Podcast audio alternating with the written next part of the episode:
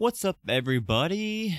No, it is not Monday. No, this is not a regular episode of One Shot Onslaught. What this is, is a short prologue followed shortly behind by a promo for our new show, Halfway to Heroes.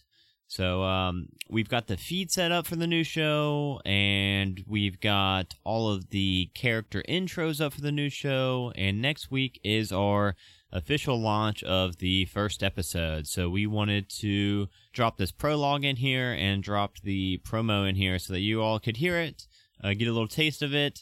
Uh, next week we'll be taking a uh, one week hiatus on One Shot Onslaught due to some technical difficulties that we are working around to get the uh, the editing up. Um, but in the meantime, we will be dropping this um, pilot episode of Halfway to Heroes on the feed next week. Uh, either I don't know Tuesday, Wednesday, or Thursday, one of those three days. Uh, but until then, here's a little taste of our new show, Halfway to Heroes. For 30 years, the world of Modris has been at peace. The illusion war seemingly won by the unified force of all races coming together to stop the Illithids, a species of alien beings that came down from the sky in their metal ships over 100 years ago and began farming sentient races of the world. Modris was divided, making it easy for the invaders to attack without much resistance. They started with those most disorganized and least defensible, goblins and orcs being early targets. They soon grew confident and began attacking the civilized populations of humans, dwarves, and elves.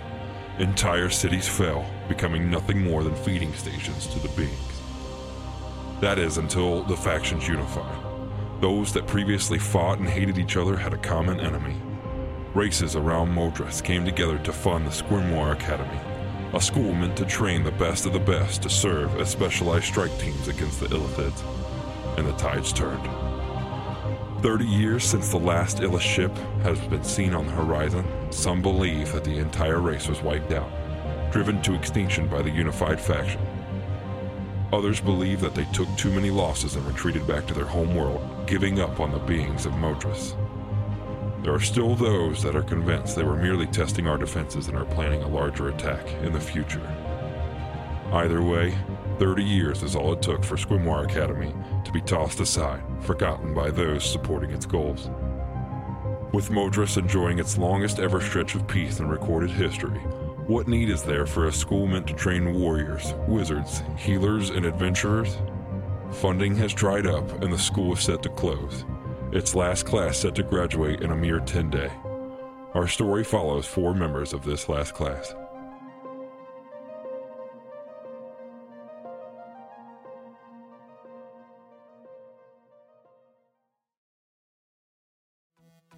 In a world where adventure awaits and danger lurks around every corner, an unlikely group of friends find themselves on the path to becoming heroes. But school will only get them halfway. Merlin, the human warlock barber guy. Oh god, no, I gotta buff his butt! No! Can I refuse business? Ubo, the turtle artificer. Well, it doesn't work yet, but uh, I'm working on it. Ultrex, the discarded warforged paladin.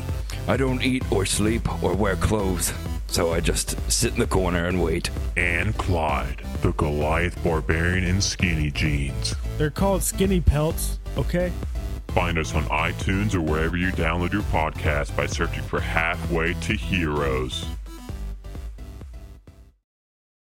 A Majestic Goose podcast. Honk.